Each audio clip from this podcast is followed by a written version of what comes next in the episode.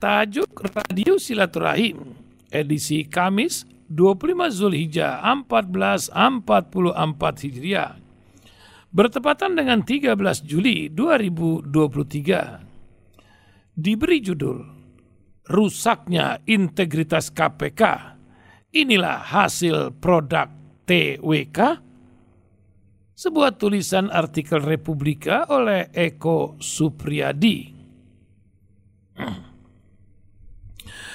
KPK yang dulu bukanlah KPK yang sekarang. Mungkin itulah ungkapan yang tepat untuk lembaga anti rasuah tersebut. KPK yang dulu dikenal bersih dan berintegritas, kini justru terus diterpa skandal. Baru-baru ini, Sejumlah pegawai KPK terlibat pelanggaran kode etik perbuatan asusila terhadap istri tahanan. Mereka telah dikenai sanksi kategori sedang oleh Dewan Pengawas KPK.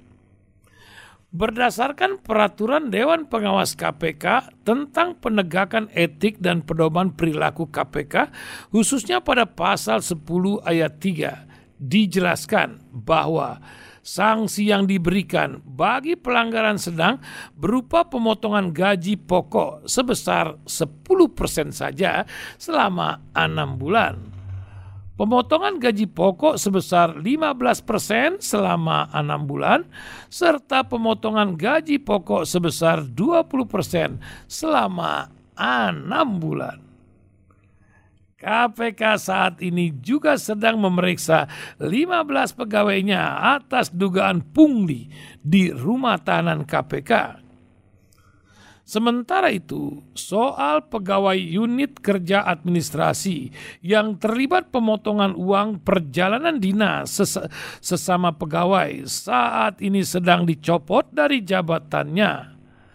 Pegawai itu saat ini menjalani pemeriksaan oleh Deputi Penindakan dan Eksekusi KPK untuk diproses dan dilaporkan ke Dewan Pengawas KPK dan dilanjutkan ke sidang dugaan pelanggaran kode etik.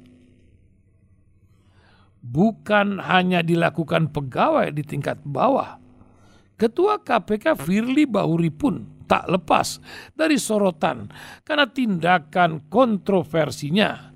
Terbaru, Firly diduga terlibat dalam kebocoran dokumen penyelidikan kasus korupsi di Kementerian Energi dan Sumber Daya Mineral ESDM.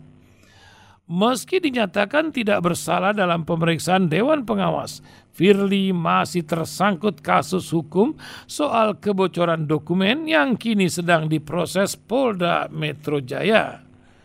Kabarnya status kasus Firly sudah naik ke penyidikan pensiunan Jenderal Polisi Bintang 3 itu juga disorot mantan penyidiknya yang ber, yang disingkirkan lewat tes wawasan kebangsaan lantaran menemui Lukas NMB di rumahnya.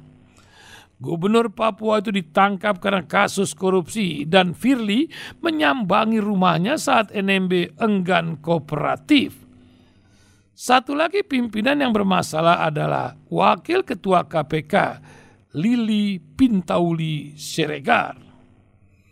Ia mengundurkan diri dari KPK pada Juli 2022. Selama menjabat di KPK, Lili memang kerap bermasalah dan resisten dengan budaya integritas insan KPK. Saat mengundurkan diri, Lili berstatus terdakwa dalam sidang etik Dewan Pengawas KPK. Ia terjerat kasus dugaan penerimaan akomodasi penginapan dan tiket nonton motor GP Mandalika dari salah satu badan usaha milik negara BUMN. Dengan segudang kasus yang menerpa KPK, Hasil dari tes wawasan kebangsaan TWK ini patut diduga bahwa Firly CS memang sengaja menyingkirkan penyidik maupun pegawai yang justru memiliki integritas dan rekam jejak. Padahal Kepala Badan Kepegawaian Negara BKN Bima Harya Wibisana menekankan metode tes wawasan kebangsaan yang diterapkan dalam seleksi pegawai KPK ini berbeda dengan tes wawasan kebangsaan yang dilakukan bagi calon pegawai negeri sipil. TWK bagi KPK dilakukan terhadap mereka yang sudah menduduki jabatan senior seperti deputi, direktur, kepala biro, kepala bagian, penyidik utama sehingga diperlukan jenis tes yang berbeda yang dapat mengukur tingkat keyakinan dan keterlibatan mereka dalam proses berbangsa dan bernegara.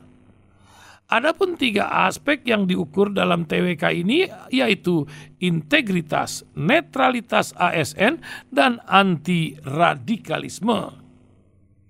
Namun, tes wawasan kebangsaan justru membuat pegawai KPK seperti Novel Baswedan, Harun Al-Rasyid hingga Yudi Purnomo tersingkir novel bahkan kehilangan satu matanya saat masih menjabat sebagai kasatgas penyidik. Matanya disiram air keras ketika sedang menangani kasus besar. Kala itu pegawai KPK memang dikenal bandel karena sulit diajak kompromi. Apalagi status pegawai KPK juga saat itu belum menjadi aparatur sipil negara. Kini, lewat Undang-Undang Nomor 19 Tahun 2019 Pasal 24, pegawai KPK menjadi sama dengan aparatur sipil negara pada umumnya. Pungli berjamaah di rutan KPK merupakan pemandangan yang biasa terjadi di lembaga penegak hukum lainnya gaya hidup mewah layaknya pejabat negara pun kerap ditampilkan oleh pimpinan KPK. Firly misalnya, di awal kepemimpinan mendapat sanksi etik karena naik helikopter saat kunjungan ke Sumatera Selatan. KPK bahkan beberapa kali dikritik ex pegawai mereka karena menggelar rapat di hotel-hotel mewah.